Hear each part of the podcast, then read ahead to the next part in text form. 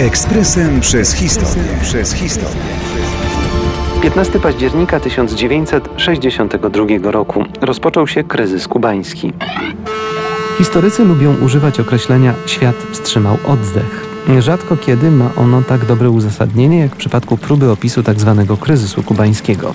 Jądrowy wyścig zbrojeń pomiędzy USA a ZSRR doprowadził ludzkość na skraj przepaści. Zimna wojna groziła ociepleniem w najgorszym tego słowa znaczeniu. Jak pamiętamy, w tym przypadku wina leżała po stronie Sowietów, którzy umieścili na Kubie pociski balistyczne średniego zasięgu, które bez problemu mogłyby zagrozić terytorium Stanów Zjednoczonych. Kiedy tylko wywiad amerykański to ustalił, prezydent John Kennedy wydał decyzję o objęciu Kuby kwarantanną morską i oficjalnie zażądał od ZSRR wycofania rakiet. Nagle nuklearny konflikt nie był już tylko wymysłem pisarzy, stał się realną możliwością. Rozpoczęła się próba sił i nerwów. Obie strony o dziwo zdawały się na tym etapie rozumieć powagę sytuacji. Przywódca ZSRR Nikita Chruszczow rozkazał zawrócić statki oraz dał zielone światło dla demontażu rakietowych wyrzutni. Zażądał jednak od Stanów, by te nie napadały na Kubę i zabrały zagrażające Sowietom rakiety z Turcji.